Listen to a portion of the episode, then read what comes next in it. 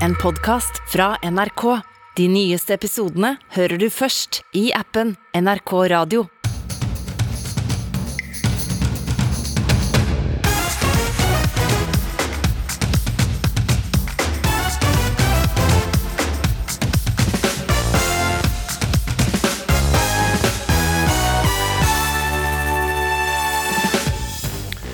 Det har gått tre dager siden Stig Millehaugen stakk av fra fengsel i Trondheim. Møt mannen som for drøyt 30 år siden selv var på rømmen. Han ble kalt for Norges farligste, men selv opplevde han å være et dyr som ble jaktet på. Det nærmer seg ferie, og noen er villige til å reise over 90 mil for å skaffe seg ID-kort. Ja, De hadde ledige, ledige timer både på Sandnessjøen og på Svalbard, og da var Sandnessjøen førstevalget. Og slag, spark eller utskjelling fra elever er hverdagen for mange lærere. Nå må skolene bli tøffere mot elever som ikke kan oppføre seg, mener læreren du får møte i dagens Ukeslutt. Velkommen til ukeslutt, altså, på pinseaften. Jeg heter Vidar Sem. Og i løpet av de neste to timene blir det også debatt om det er riktig å reklamere i ti minutter for rødt kjøtt til sultne fotballfans. Gunhild Stordalen og Bård Hoksrud sliper sine argumenter. Det har gått eh, tre dager siden dobbeltdrapsdømte Stig Millehaugen unnlot å møte opp etter permisjon i Trondheim fengsel. Millehaugen tok fly til Oslo lufthavn, og i går kveld så friga politiet et nytt bilde av rømlingen, tatt av et overvåkningskamera på Oslo S. Millehaugen eh, var da ikledd en sort caps og bar en stor tursjekk. Eh, Trond Henriksen er tidligere straffedømt, og ble kalt for Norges farligste mann etter at han rømte sammen med en medfange og etter hvert bortført en politimann og en annen vakt. Nå er han leder for Kirkens Bymisjon i Halden, og da jeg snakket med ham litt tidligere, så fortalte han om sitt kjennskap til Stig Millhaugen. Vi blei kjent i ungdomstiden. Vi, altså han holdt jo til på Tveita, og jeg holdt til nede på Østbanen, så veiene våre kryssa jo jevnt og trutt. Og så har vi jo vår tid bak murene sammen. Så jeg blei i hvert fall ganske godt kjent med Stig i ungdomstida. Da. Har jo ikke sett han på veldig veldig mange år, naturlig nok pga. å sitte sitter lenge inne.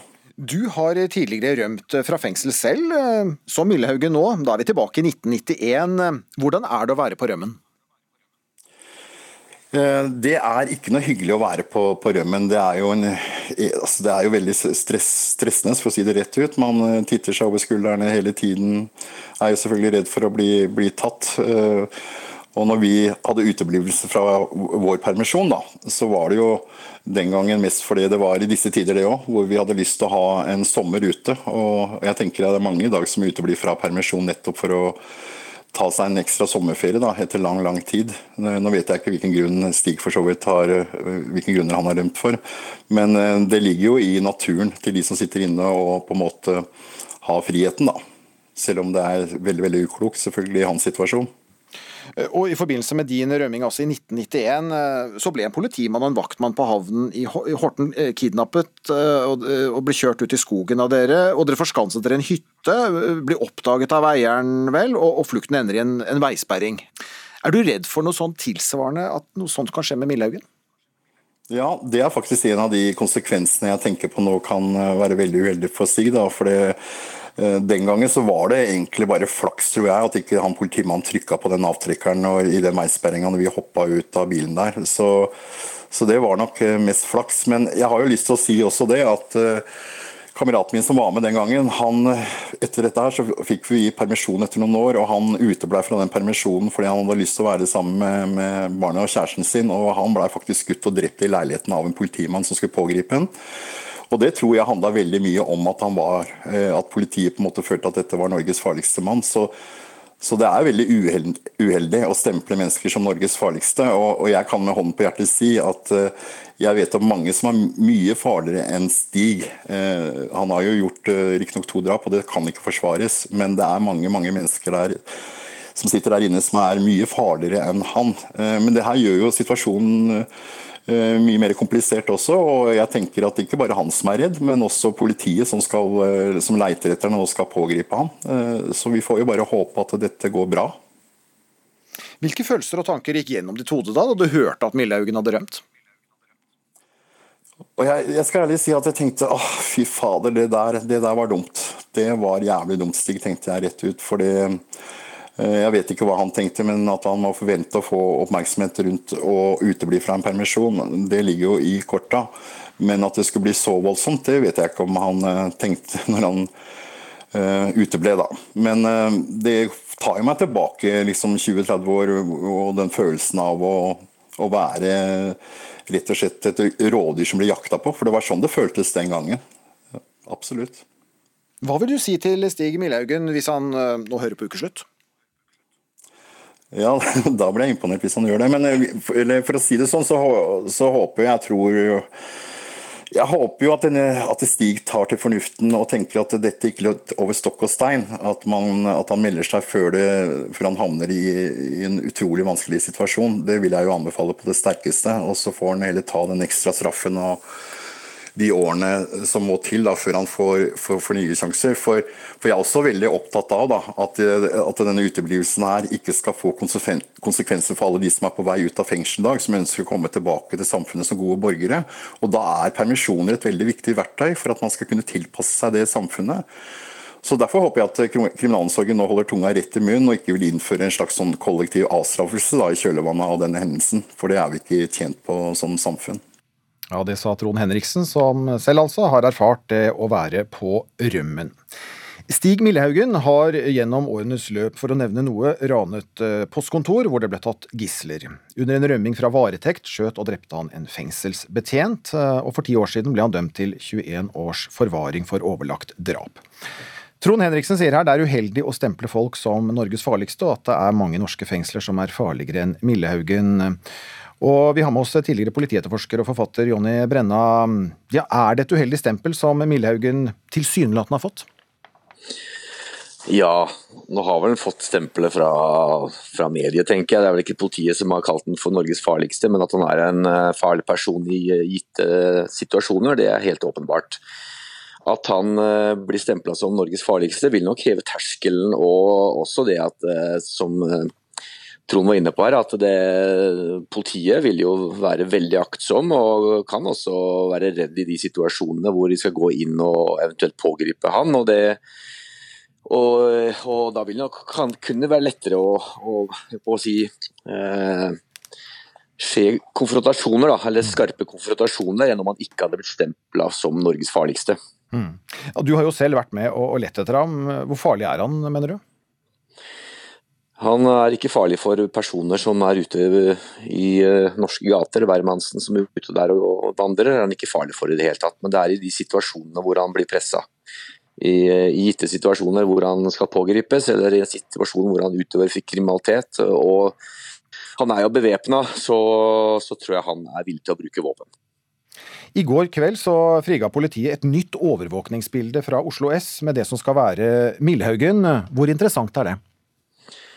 Det interessante er jo at han eh, plutselig har en stor ryggsekk som han ikke hadde på, med seg på Værnes. Eh, det tyder jo på at det er eh, godt planlagt, at han har vært innom en plass og henta noe utstyr.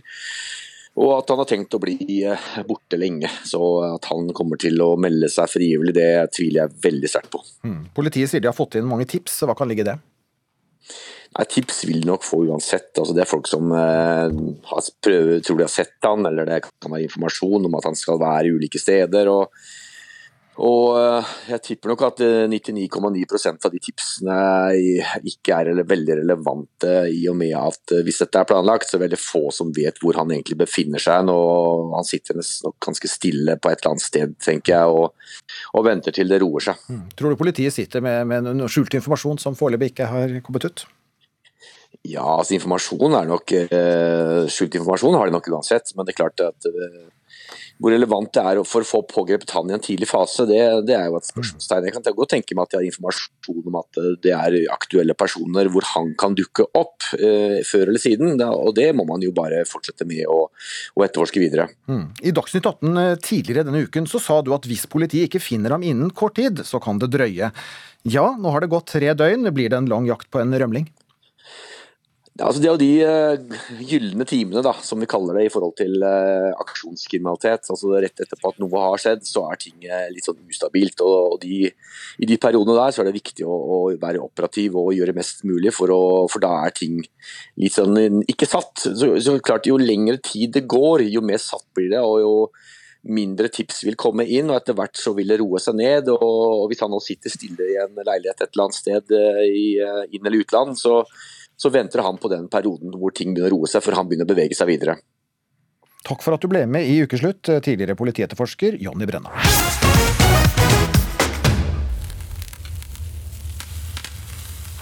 Mm. Vi hører lyden av deilig kjøtt på grillen glinsende, og det pipler opp med kjøttsaft ut av det gyllenbrune kjøttet. Ja, du lar deg friste av det, Bård Hoksrud? Ja, absolutt. Det er vanvittig digg, og det ser jo vanvittig godt ut. Så vi får bare håpe det er norsk kjøtt, og det regner jeg vel med at det er. For det var veldig flott.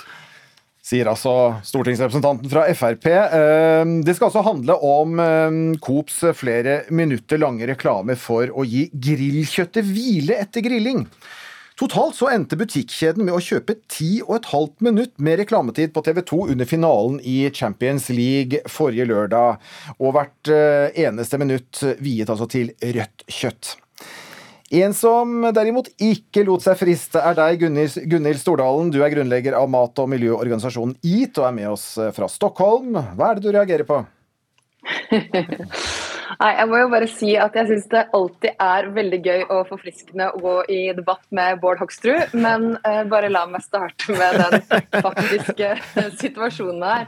Fordi det som uh, vi vet, er jo at kloden koker. og Uansett hvor mye vi snur og vender på det, så er ikke industrielt rødt kjøtt som er fòret på kraftfôr og soya fra Brasil en del av løsningen. Og med rødt kjøtt er heller ikke løsningen for eksplosjonen eh, vi ser av fedme og kosthold, kostholdsrelaterte sykdommer. Og vi vet at særlig norske menn spiser allerede for mye kjøtt i forhold til nasjonale kostholdsråd.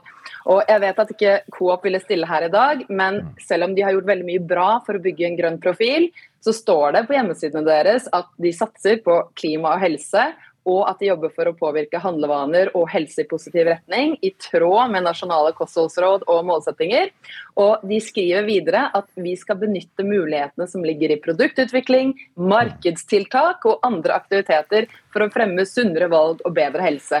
Og jeg må jo bare si at jeg sliter ganske mye med å se hvordan denne reklamen skal fikse det.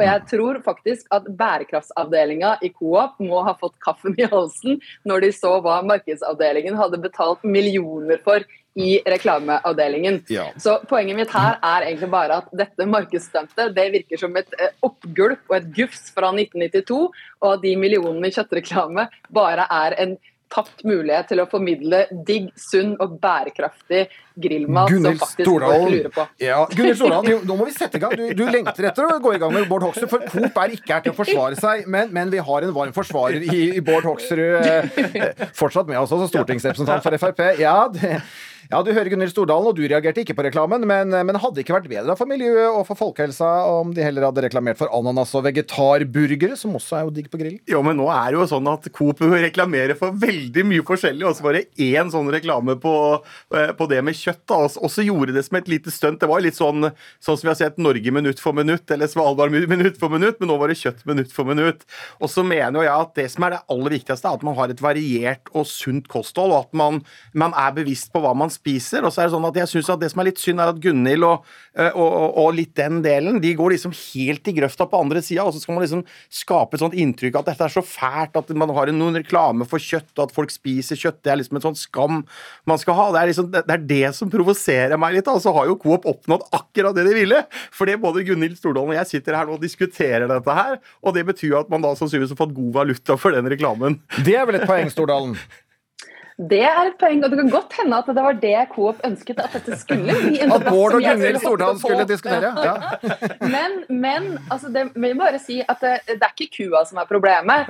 Eh, hvis dette hadde vært en reklame som hadde spesifisert at dette var norsk kjøtt, som var frittgående og lykkelig, og som hadde spist mest gress, da hadde det vært en helt annen greie. Og jeg er veldig glad for at du nevner at eh, vi skal snakke om et variert kosthold, Bård. Men dette var da en, altså en svær steik i hele TV-ruta.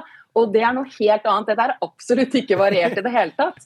Så jeg må jo bare si at selv om uh, Bård hver gang jeg er ute og uttaler meg, så hopper han jo på meg og sier at jeg er en irriterende tante Sofie.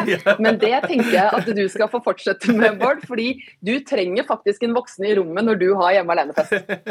Jeg, jeg, jeg, jeg, trenger ikke noen voksen. Jeg trenger i hvert fall ikke Gunhild Stordalen i rommet. Eh, men, men det er ikke tvil om at jeg ser nok litt annerledes ut enn deg, Gunhild. Og jeg er glad i mat. Jeg syns det er viktig. Og jeg, er jo enig at jeg hadde jo, og jeg håper som sagt at Coa brukte norsk kjøtt som tidligere landbruks- og matminister, så er det klart at det er, det er noe jeg er opptatt av. Men, men, uansett så må man få lov å gjøre dette her uten at liksom man skal gå bananas og synes at dette er så forferdelig at man en gang innimellom lage reklame for, for grillmat og, eh, og, kjøtt. Jeg syns det er helt greit. Og så har jeg stor respekt for de som da velger å være veganere eller, eh, eller vegetarianere og sånn. Men, men liksom, vi må ikke bli sånn, Gunhild, at, at, man liksom skal moralisere over folk fordi de syns at kjøtt er godt og de liker å spise kjøtt.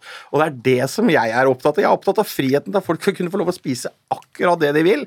Eh, og jeg syns at det er morsomt det at man av og til gjør noen sånne stunt som er litt unormalt. Og at de gjorde kanskje midt under en cupfinale var kanskje litt ekstra spesielt, men, men jeg syns det var morsomt. Og, det, ja, og det går vel an å ha to tanker i hodet på, på en gang, Gunhild Stordalen?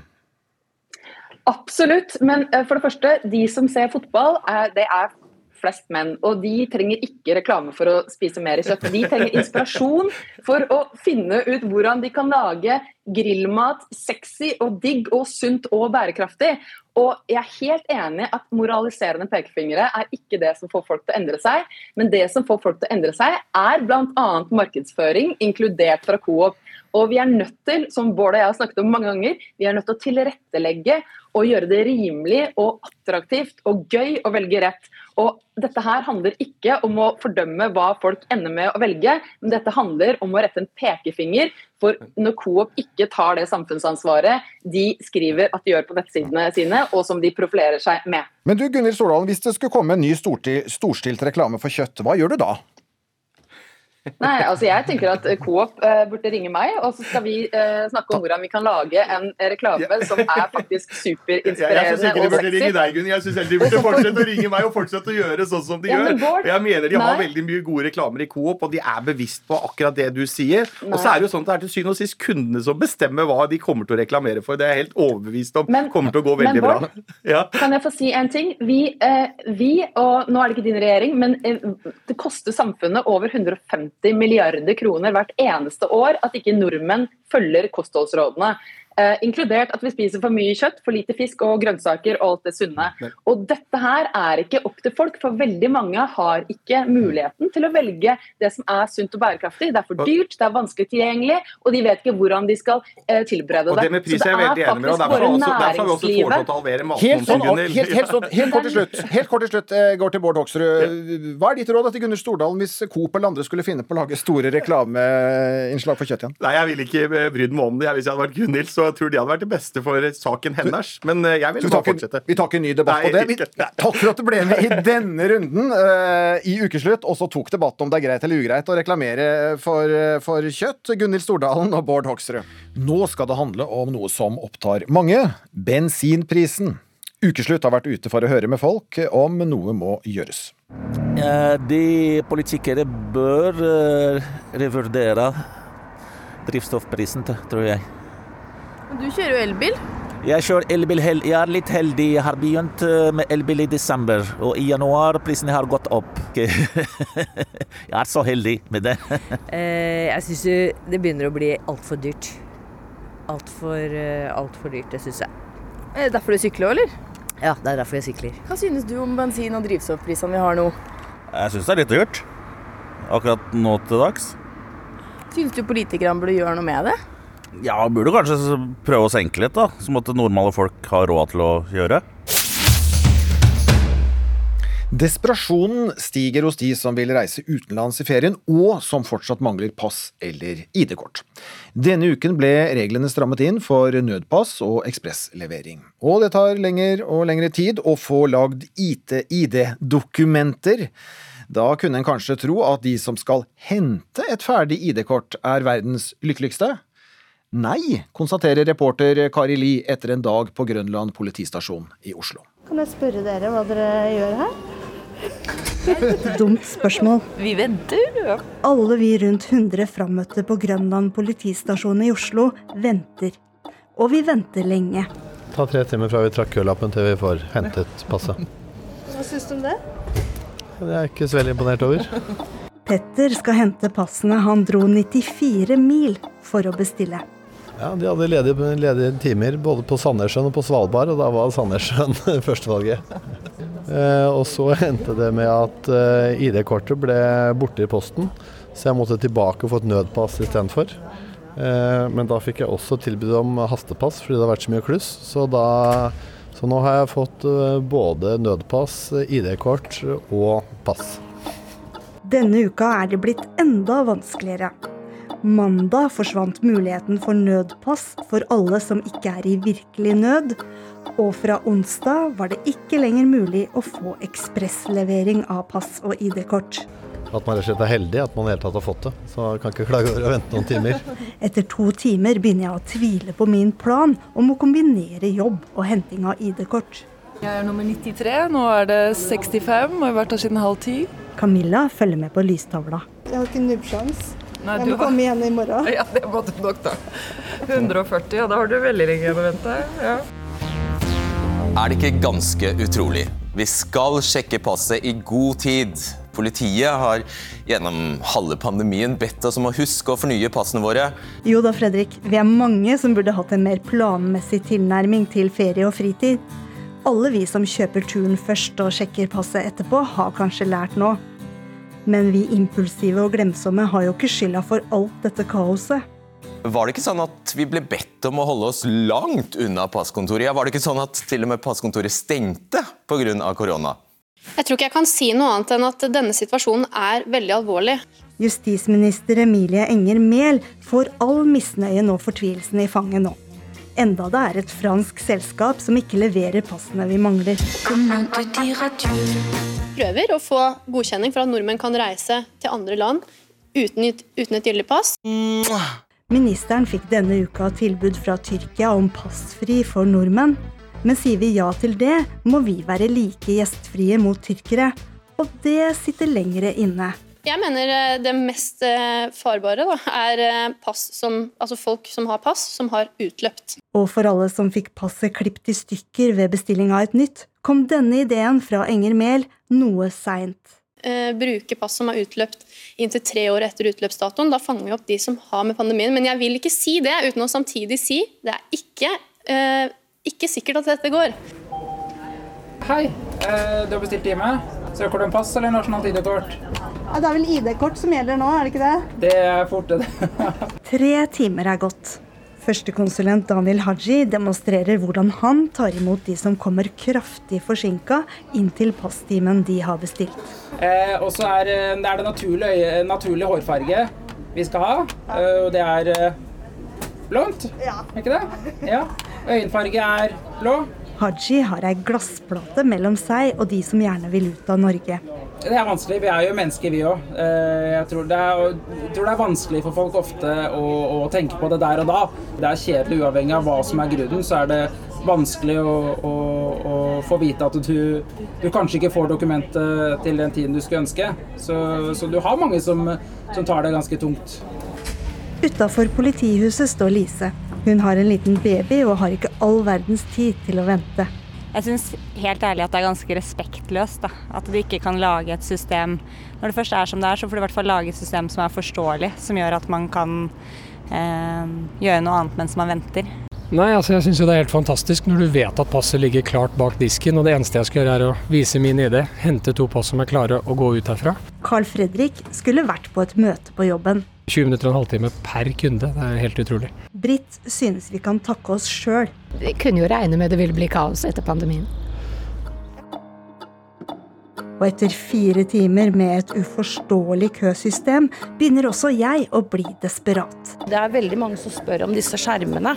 Elisabeth Lund er seksjonsleder for forvaltning i Oslo politidistrikt. Altså, Hvordan kan man forstå hvilken kø man står i? Og da er det i utgangspunktet tre køer. Den ene er for timebestilling. Eh, den andre er for nødpass. Og den tredje er for henting. Hvordan kan det ha seg at man, altså, at man må vente så lenge på å hente et ferdig dokument? Ja, eh, det som er litt uh, ugreit, er at vi ikke har noe system for å uh, tildele hver og en som skal hente en time. Så det jobber vi jo faktisk med nå. Jeg så en artikkel med deg fra juli i fjor. Da var det også trengsel for å få pass. Mm. Er, denne, er dette en årlig foreteelse? Ja, vi, har, vi, opererer egentlig med det vi kaller for høysesong, og nå er vi midt i høysesongen. Det er enda vanskeligere i år, fordi at pga. pandemien så er det veldig mange som har unnlatt å søke. Og de barna som er født de siste to åra, de har man da kanskje ikke tenkt uh, så mye på at trenger et pass eller et nasjonalt ID-kort. Alle de kommer på toppen av de som vanligvis ville ha kommet hit. Da. Hvordan det gikk til slutt, alle fikk passene eller ID-kortene sine og forsvant. Og etter fem timer var det min tur. Jeg kom til skranken! Jeg lar Siv Camilla formidle hvordan det føltes. Hun hentet passet, og det tok ett minutt. Ja, Reporter her var altså Kari Li. Trusler, slag, spark og utskjelling fra elever. Dette er hverdagen for mange lærere. Ifølge en undersøkelse fra Statens arbeidsmiljøinstitutt fra i fjor høst, så har én av fire lærere blitt utsatt for vold eller trusler i løpet av et år. Det er en liten gruppe av elever vi snakker om her, men reaksjonen fra skolen på dårlig oppførsel må bli tydeligere.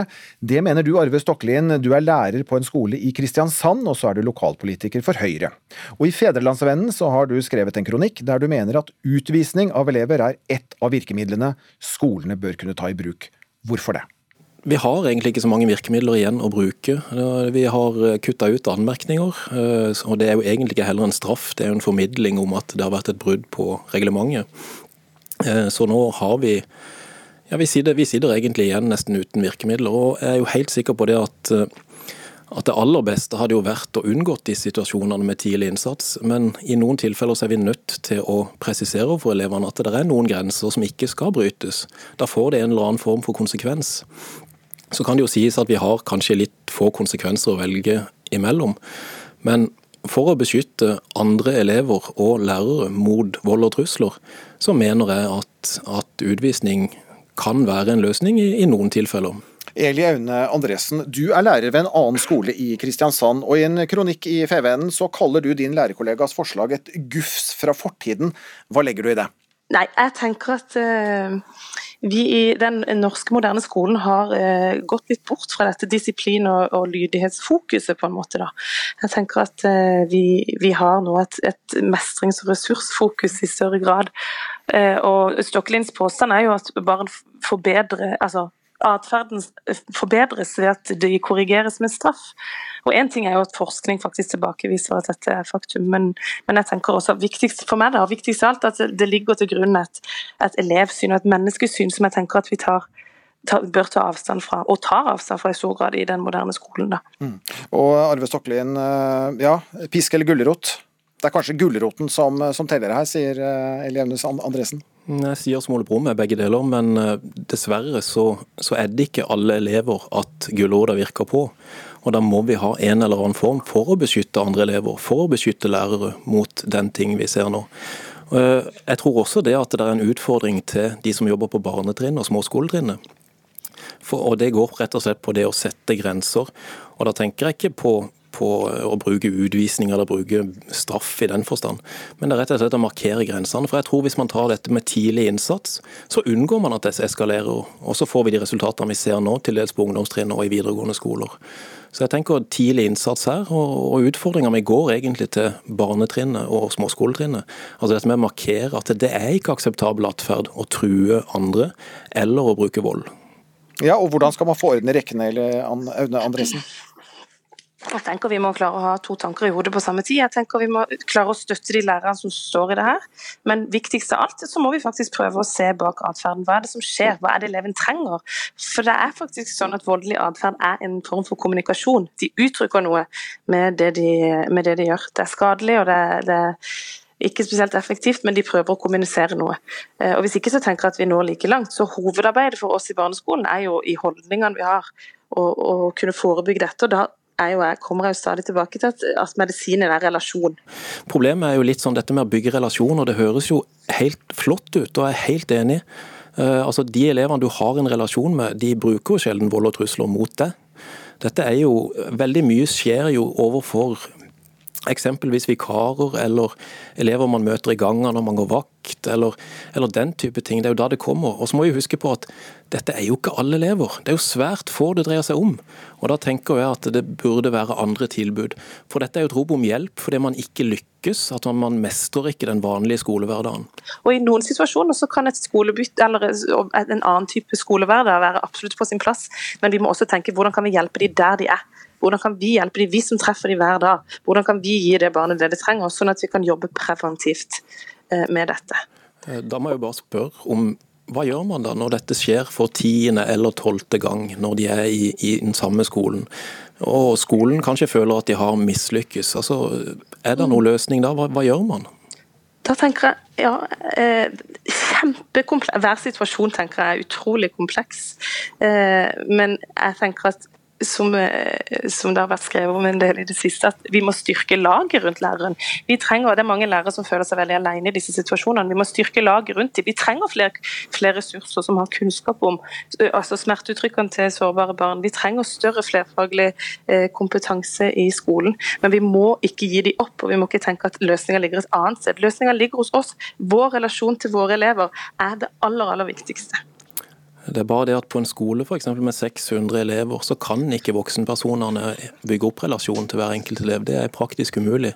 Men hva gjør vi enn så lenge når vi har det hos oss, så må vi jo få det til å fungere. Og hva gjør vi da? Det er vårt ansvar. Vi har ansvar for den relasjonen, eh, vi som voksne. Nå har vi hørt eh, dere læreres syn på hva som bør gjøres overfor elever som lager problemer. La oss høre noen elevers syn på hvordan de opplever lærernes reaksjoner på bråkete og krevende elever. Jeg synes ganske mange lærere er ikke strenge nok. Sånn, de bare går opp til deg og sier 'hei, hei, stille nå'. Sånn, de gjør ingenting annet enn det. Og folk bryr seg ikke om det. Bare en liten advarsel, og så bare fortsetter de. Hva burde læreren gjort, da? De burde gi mer advarsel og faktisk gjøre noe. Noen lærere kan jo, kan jo holde seg Kanskje liksom være litt for lite strenge noen ganger. Eh, liksom, det blir veldig mye bråk i timen, og så sier de ikke fra godt nok om at det skal være stille og sånt. Men Hvor går grensen for når en lærer kan bryte inn fysisk, syns du? Hvis en prøver å sette en hånd mellom to personer som har ganske intens krangling, så skal det jo det gå greit. Men hvis det kommer lærere og prøver liksom, som griper hånda di og drar den sånn skikkelig hardt, så kan du skade deg ganske mye. Og hvis du mener at når noen tar på deg, f.eks. en lærer her, så tenker du at det er liksom ukomfortabelt. Det er også en grense som en lærer må respektere. Ja, Det var ukeslutts reporter Simen Hunding Strømme som hadde møtt elever ved Majorstad skole i Oslo. og Som eleven sa, så er det en grense som en lærer må respektere. Eh, og, det er jo heller ikke lov eh, med, fysisk eh, vold på noe som helst måte fra en lærers side. Men Arve Stokkelien, hvorfor er det likevel noen ganger nødvendig å kunne gripe inn også fysisk? Det er jo sånn at Vi, altså, vi har jo ikke, i utgangspunktet ikke lov til å ta tak i elever. Det, det, har vi ikke. Samtidig så er vi også lovpålagt å gripe inn hvis det er fare for elevers og andres liv og helse. Da har vi på en måte, Det er nødvergeparagrafen som kommer inn der. Eh, så det, det er liksom det å vite altså Når det er et slagsmål, la oss si det sånn, da, og du skal skille to, eh, så, er det litt sånn Altså, hva, hva, kan du gjøre? Du er jo livredd for å gripe tak i det i tilfelle det skulle være for hardhendt. Ehm, og så Samtidig så, så, er det jo denne Nei, det, det, er vanskelig, for det er litt sånn damned if you do, damned if you don't. Du, det, og det som er litt skummelt med det på sikt, er jo det at en del går forbi situasjoner. For de er redd for å gripe inn. For de er redd for konsekvensene i ettertid. Og, og det er jo veldig uheldig for de elevene det går utover. Og lærer Eli Aune Andresen, eh, det er jo ingen som lenger snakker om fysisk straffelever, men, men kan redselen for konsekvenser av at en lærer griper inn bli en hindring for å ta tak når det trengs? Ja, Det er jo tydelig at det er mange lærere som er i tvil om hvordan de skal gripe an. Og Det er jo her jeg mener at skoleledelsen må støtte oss i mye større grad. Vi må vite helt konkret hvordan vi skal, skal gripe an i situasjoner. Hvordan kan vi deeskalere? For Vi ser jo ofte at vi gjør det stikk motsatte. Vi faktisk eskalerer situasjonen istedenfor. Eh, så, eh, så veiledning her trenger vi absolutt, men jeg er likevel mest opptatt av hva vi gjør i etterkant og hva vi gjør i forkant for å unngå sånne type hendelser. Mm. Og Her ble det også da sendt en, kanskje en oppfordring til, til skoleledelse. Eh, takk for at dere ble med i Ukeslutt, Arve Stokkelien og Eli Aune Andresen, begge lærere på hver sin skole i Kristiansand. Nå til Storbritannia, der de er i gang med dag tre av dronningens platina-jubileum. Og vi skal ut i en av Londons gater, for der er du, korrespondent Gry Blekastad Almås. For i dag så er det duket for gatefester. Det er det. Jeg står i en av eh, Londons mange gater som eh, akkurat nå forbereder til en fest som skal begynne om noen timer. Det er pynta med flagg i rødt, hvitt og blått langs hele denne lange gata. Nå settes det opp eh, noen sånne partytelt. Det har vært noen skurer på morgenkvisten og, litt sånn usikkert om det kan bli mer regn i dag. bord, stoler, svære flagg med bilder av dronning Elisabeth. og ballonger som blåses opp og pynter gata nå. Jeg har med meg Eva Meinek, som er en nordmann som bor i denne gata. Og hvordan skal dere feire dronning Elisabeth her i dag? Jo, Vi begynner med nasjonalsangen klokken tre, allsang. Og så er det kakekonkurranse, alle har bakt. Og scones, 150 scones med clotted cream og syltetøy. Og så er det mer sang og moro og tryllekunstner for barna og kronekonkurranse for barna. Og så klokken fire-fem-tiden så kommer alle ut med middagsrettene de har laget. Pluss at det blir pølser og burgere, barbecue for alle sammen. Og masse drikke. og dette er bare én av mange tusen sånne fester som skal være over hele Storbritannia i dag og i morgen. Og for å være helt ærlig, Eva, er dette først og fremst for å feire dronningen, eller er det en unnskyldning for å ta seg en fest med gode naboer? tenker det er litt av hvert, ja. Vi har hatt street party her før mange ganger, så vi har, gjør det jo uten at eh, dronningen bør feires òg. Så vi er jo en gate som liker å ha det moro. Vi har hatt masse gøy over lockdown og gjort mye sammen. Så jeg føler at det er en kombinasjon av de to. Og dette er jo Ja, kom igjen. Ja, altså Det er jo feiring i dag, både for briter og nordmenn. Men det jeg lurer på, Gry Blekastad Almås, eh, hva med jubilanten selv? Hva gjør dronningen i dag? Ja, Hun eh, skulle jo eh, opprinnelig ha vært på hesteveddeløpet på Epson Downs eh, i dag, men eh, i går kveld ble det bekreftet at hun ikke er med på det fordi hun ikke er helt eh, i form. Hun avlyste jo også sin tilstedeværelse på takkegudstjenesten i St. Paulskatedralen i går, fordi hun har jo i lengre tid slitt med mm, mobilitetsproblemer, eh, som det heter. dronningen er 96 år gammel, og det er klart det er en påkjenning med et såpass tett program som det er under dette jubileet. så hun skal skal da følge hesteveddeløpet på TV hjemme på Windsor. Hun er jo en hesteentusiast og har Dette er en av veldig, veldig få ganger hun ikke er til stede på, på Epson. Mm. Som vi hørte i Dagsnytt, så ble Trafalgar Square i London evakuert i dag av politiet etter funn av en mistenkelig pakke. Er det et politi på tå hev her? Det er det. Det er et enormt oppmøte uh, av politi i gatene. Uh, og det er jo helt nødvendig også når det er så mye mennesker som samles som det har vært uh, i disse dagene. og det er bombehunder som går rundt og, sjekker områdene der ting skal skje. og dette på Trafalgar Square var en mistenkelig gjenstand som de har sjekket ut, og alt skal være i orden igjen der nå. Mm. Det er altså jubileumsfest for dronningen, men det er også ei lita ei som har ettårsdag i dag, og det er datteren til hertuginne Meghan og prins Harry. I hvilken grad får dette oppmerksomhet denne lørdagen? Det spekuleres i hvert fall i om det kan være en anledning til denne eh, familien å gjenforenes litt. Eh, prins Harry og Meghan eh, er jo, som vi vet, eh, ikke lenger en arbeidende del av kongefamilien etter at de flytta til USA, hvor de nå bor. og Det er første gang de er tilbake som familie i Storbritannia. Eh, det er også spekulasjoner om de vil eh, døpe Lillibeth på ettårsdagen i dag som en anledning til at dronningen også kan være til stede på en sånn begivenhet men det er altså ikke noe offisiell informasjon rundt dette. Det som er kommet i dag, er jo gratulasjoner til Lillebeth fra den øvrige kongefamilien, bl.a. via eh, sosiale medier. Mm. Og så må vi ikke glemme at det er en storstilt jubileumskonsert for dronningen i kveld. Hva kan vi vente oss? Ja, Det eh, er ikke lite. Det er eh, mange, mange store navn fra eh, disse tiårene som dronning Elisabeth har sittet på tronen. Det er Elton John og Cliff Richard og Rod Stewart, og det hele skal åpnes av Queen, og så skal det avsluttes av Diana Ross. Andrew Lloyd Webber skal ha en musikalrunde. Det er en lang liste med veldig spennende artister. Og så skal prins Charles og prins William begge to eh, snakke i løpet av denne konserten og altså eh, si noen ord som hedrer dronningen. David Attenborough, David Beckham, flere skal også være med. Ikke nødvendigvis å synge, tror jeg, men opptre da, på ulike måter gjennom denne konserten som begynner klokka ni i kveld norsk tid og sendes på NRK1. Mm. Takk for rapporten, korrespondent Gry Blekastad Almås.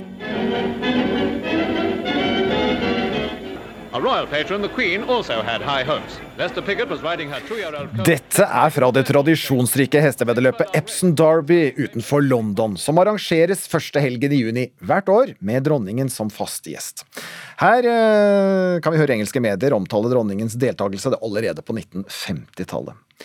En som har blitt hyllet også av dronningen på Epson Derby, er den norske jockeyen William Buke.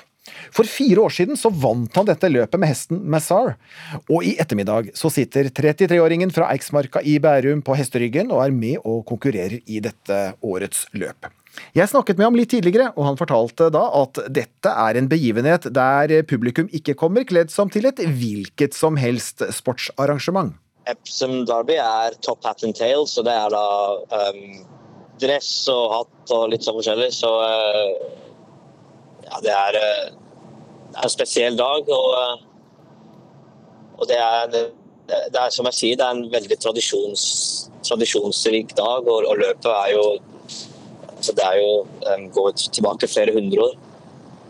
Dronning Elisabeth eh, har vært fast gjest på dette Derby i mange år. Hva betyr hennes tilstedeværelse? Ja, det, betyr, det betyr alt. Det er Altså, det, at hun er at dronningen er på Epsom på Derby-dagen, det går hånd i hånd med Derby. Um, og når man da vinner Derby, så er det tradisjon at, uh, at uh, både vinneren av løpet, jockey, jockeyen, treneren, eieren av hesten, uh, at de da får lov til å gå opp til, til der hun er i, i, i tribunen og, og, og, og hilse på henne. Ja, for, for, for, fire år siden altså, så vant du dette løpet eh, på, på, denne dagen, Derby Day. Eh, hvordan var det å møte dronningen?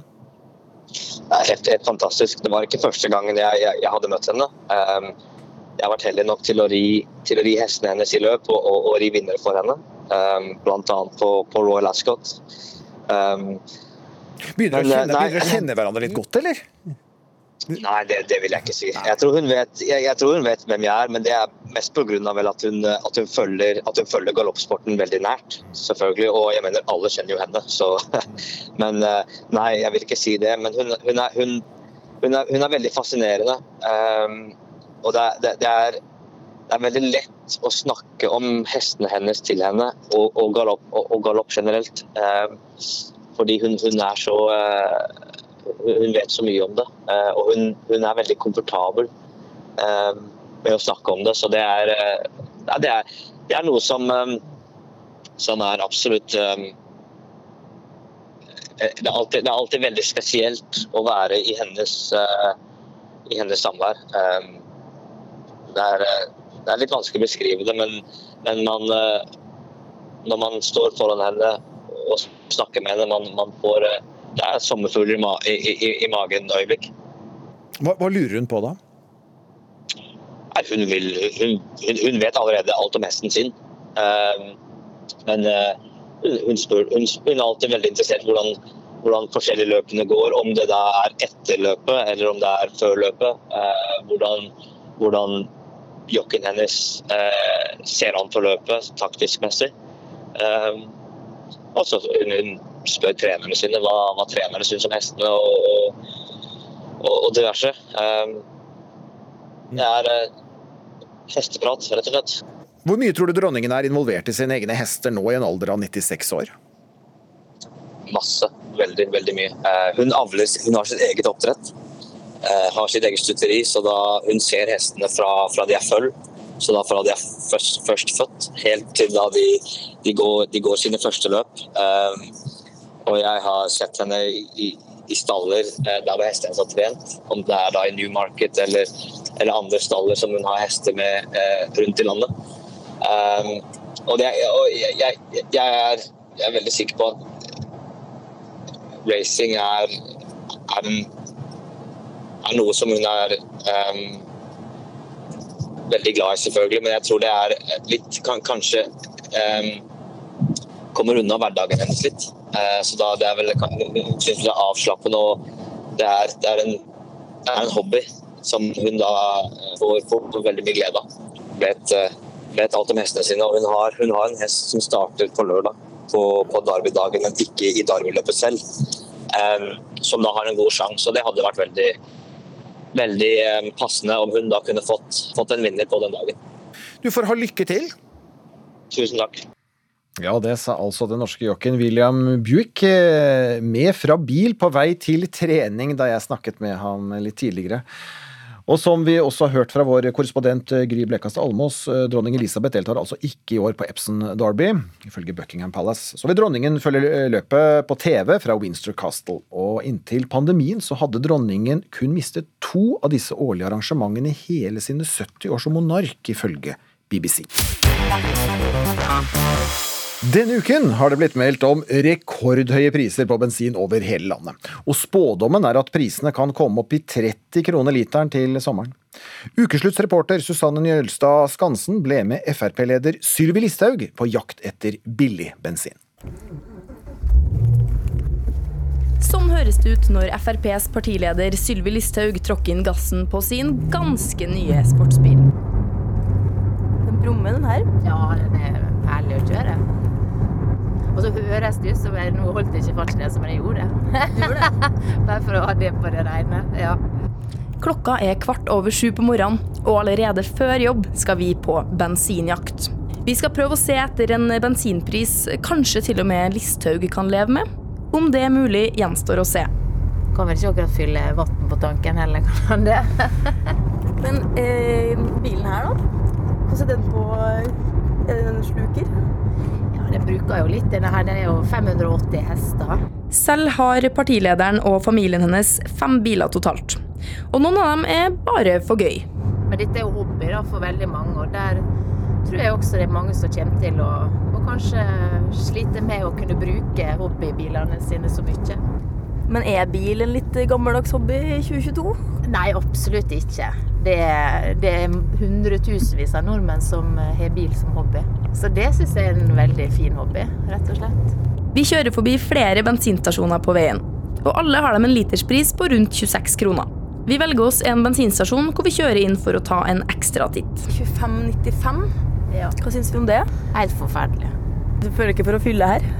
Nei, det er heldigvis ikke prekært. Men vi får dra litt videre, da. Ja, vi får gjøre det.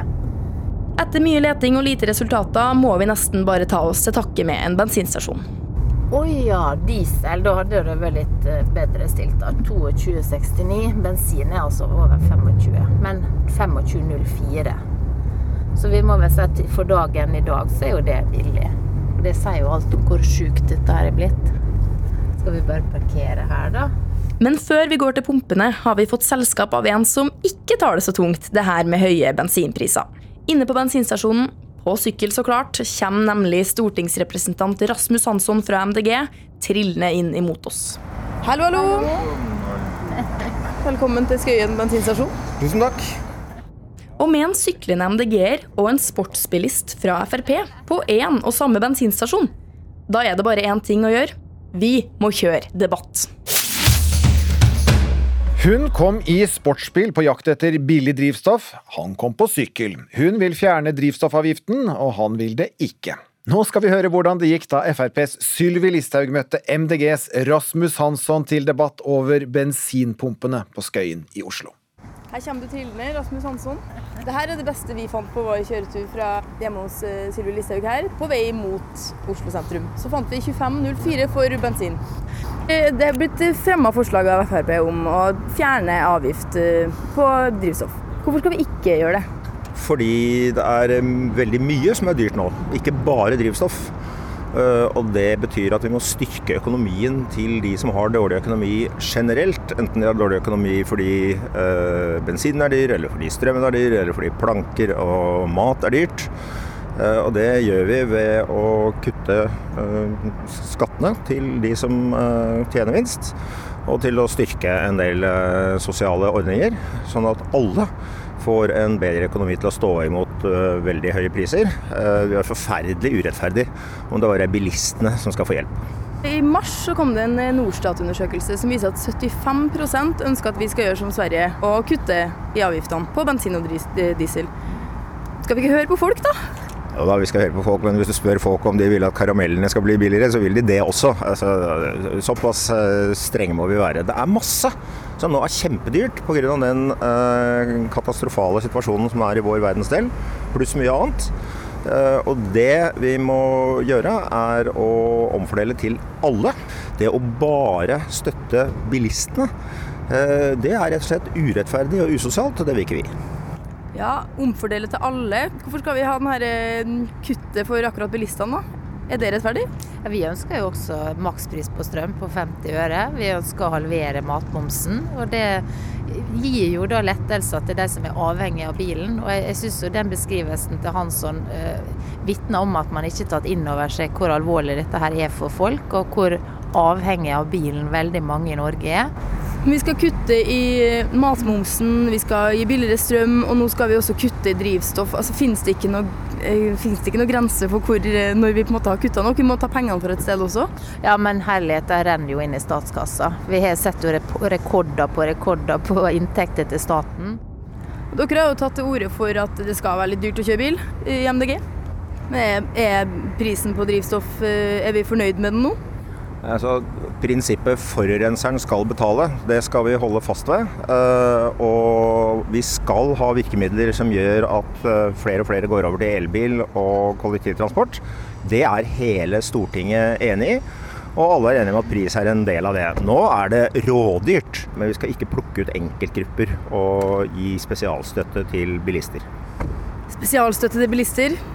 Jeg syns det høres helt virkelighetsfjernt ut når han beskriver det sånn. Altså, jeg vet det er mange andre som sliter, som kommer til å måtte kutte ned på bilkjøringa. eh, Som kommer til å gi deg en, eh, en hverdag som, som betyr mindre aktivitet, eh, mindre sosiale sammenkomster. Ja, rett og slett det som de er vant til.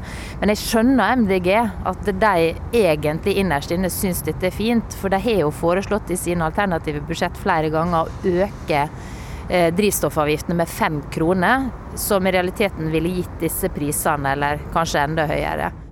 Da vi foreslo den eh, miljøavgiften på drivstoffprisen, så var drivstoffprisen en sånn 12-13-14 kroner.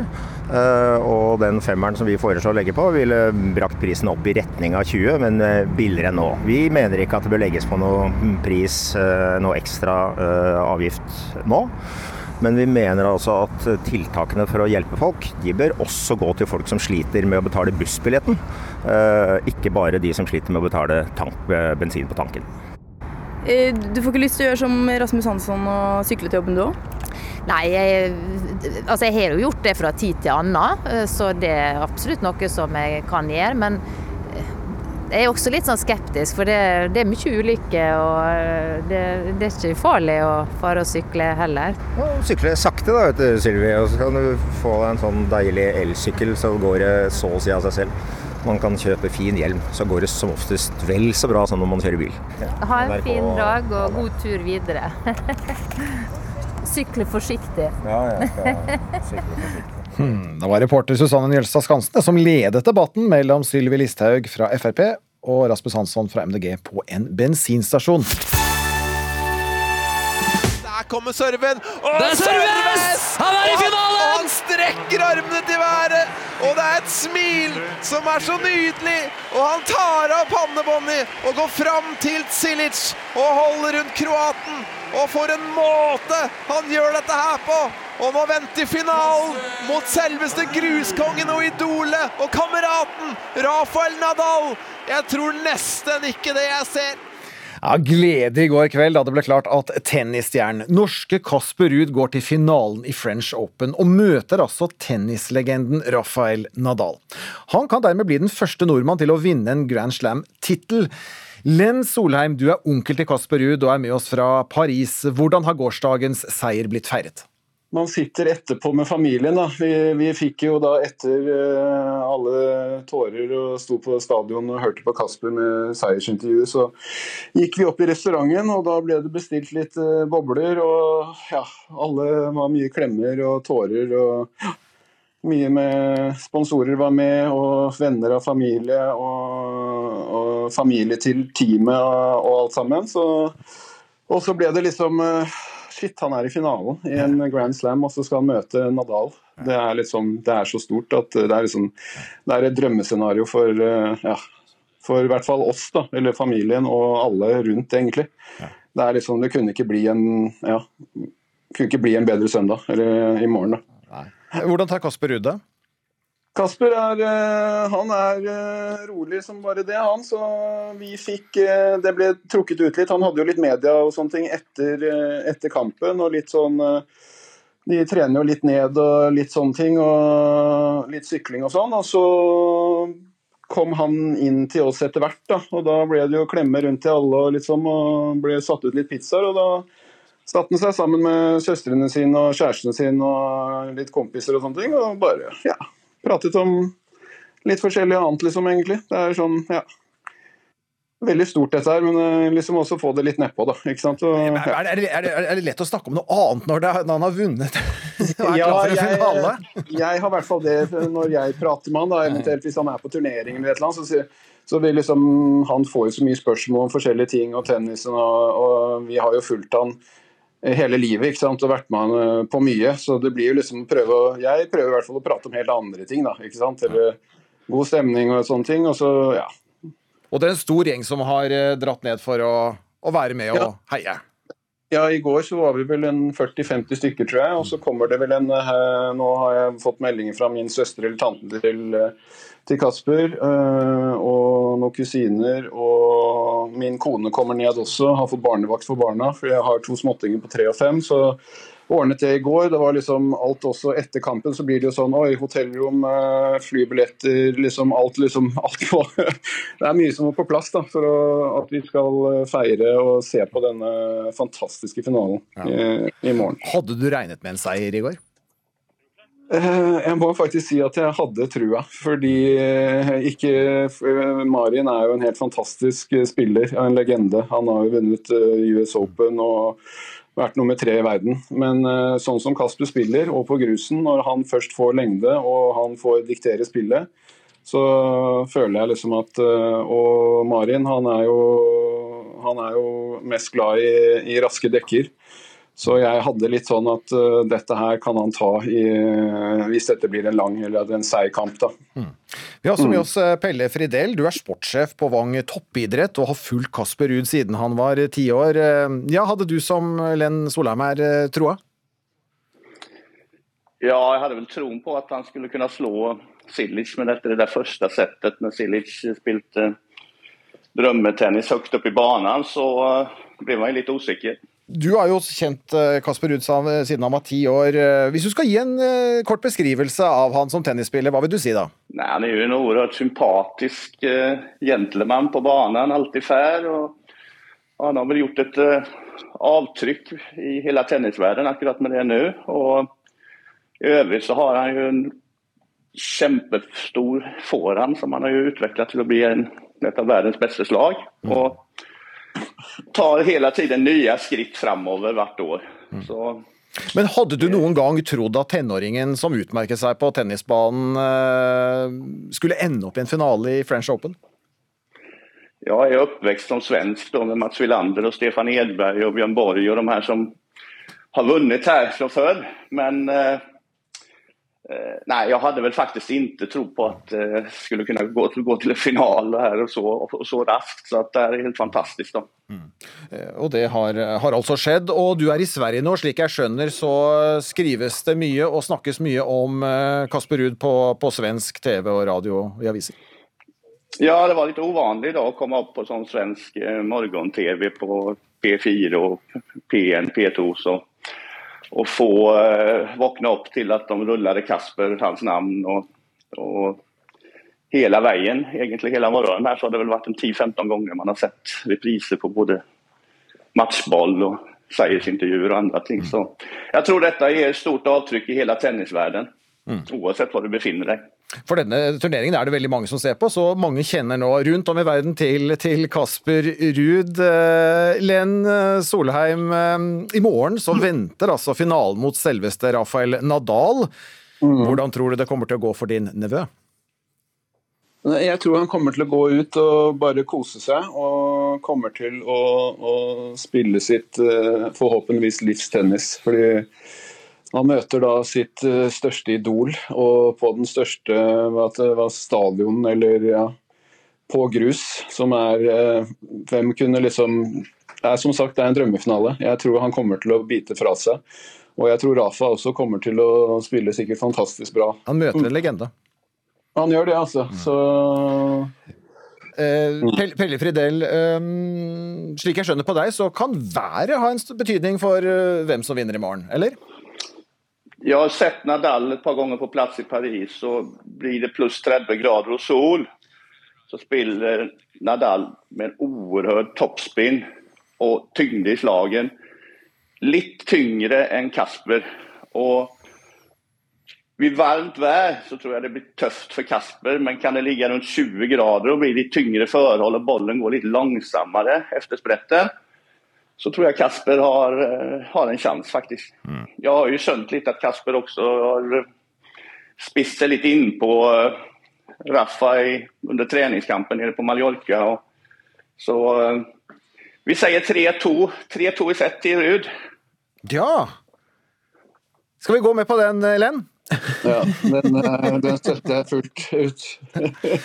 Vi får ønske Kasper Ruud lykke til i, i morgen, altså i, i finalekamp mot eh, Rafael Nadal. Takk for at dere ble med oss her i Ukeslutt, Len Solheim og Pelle Fridell. Ansvarlig for sendingen det er Magnus Bratten. Det tekniske ansvaret det har eh, Ragnhild Bjørlykke tatt seg av. Jeg heter Vidar Sem. Du har hørt en podkast fra NRK. De nyeste episodene og alle radiokanalene hører du i appen NRK Radio.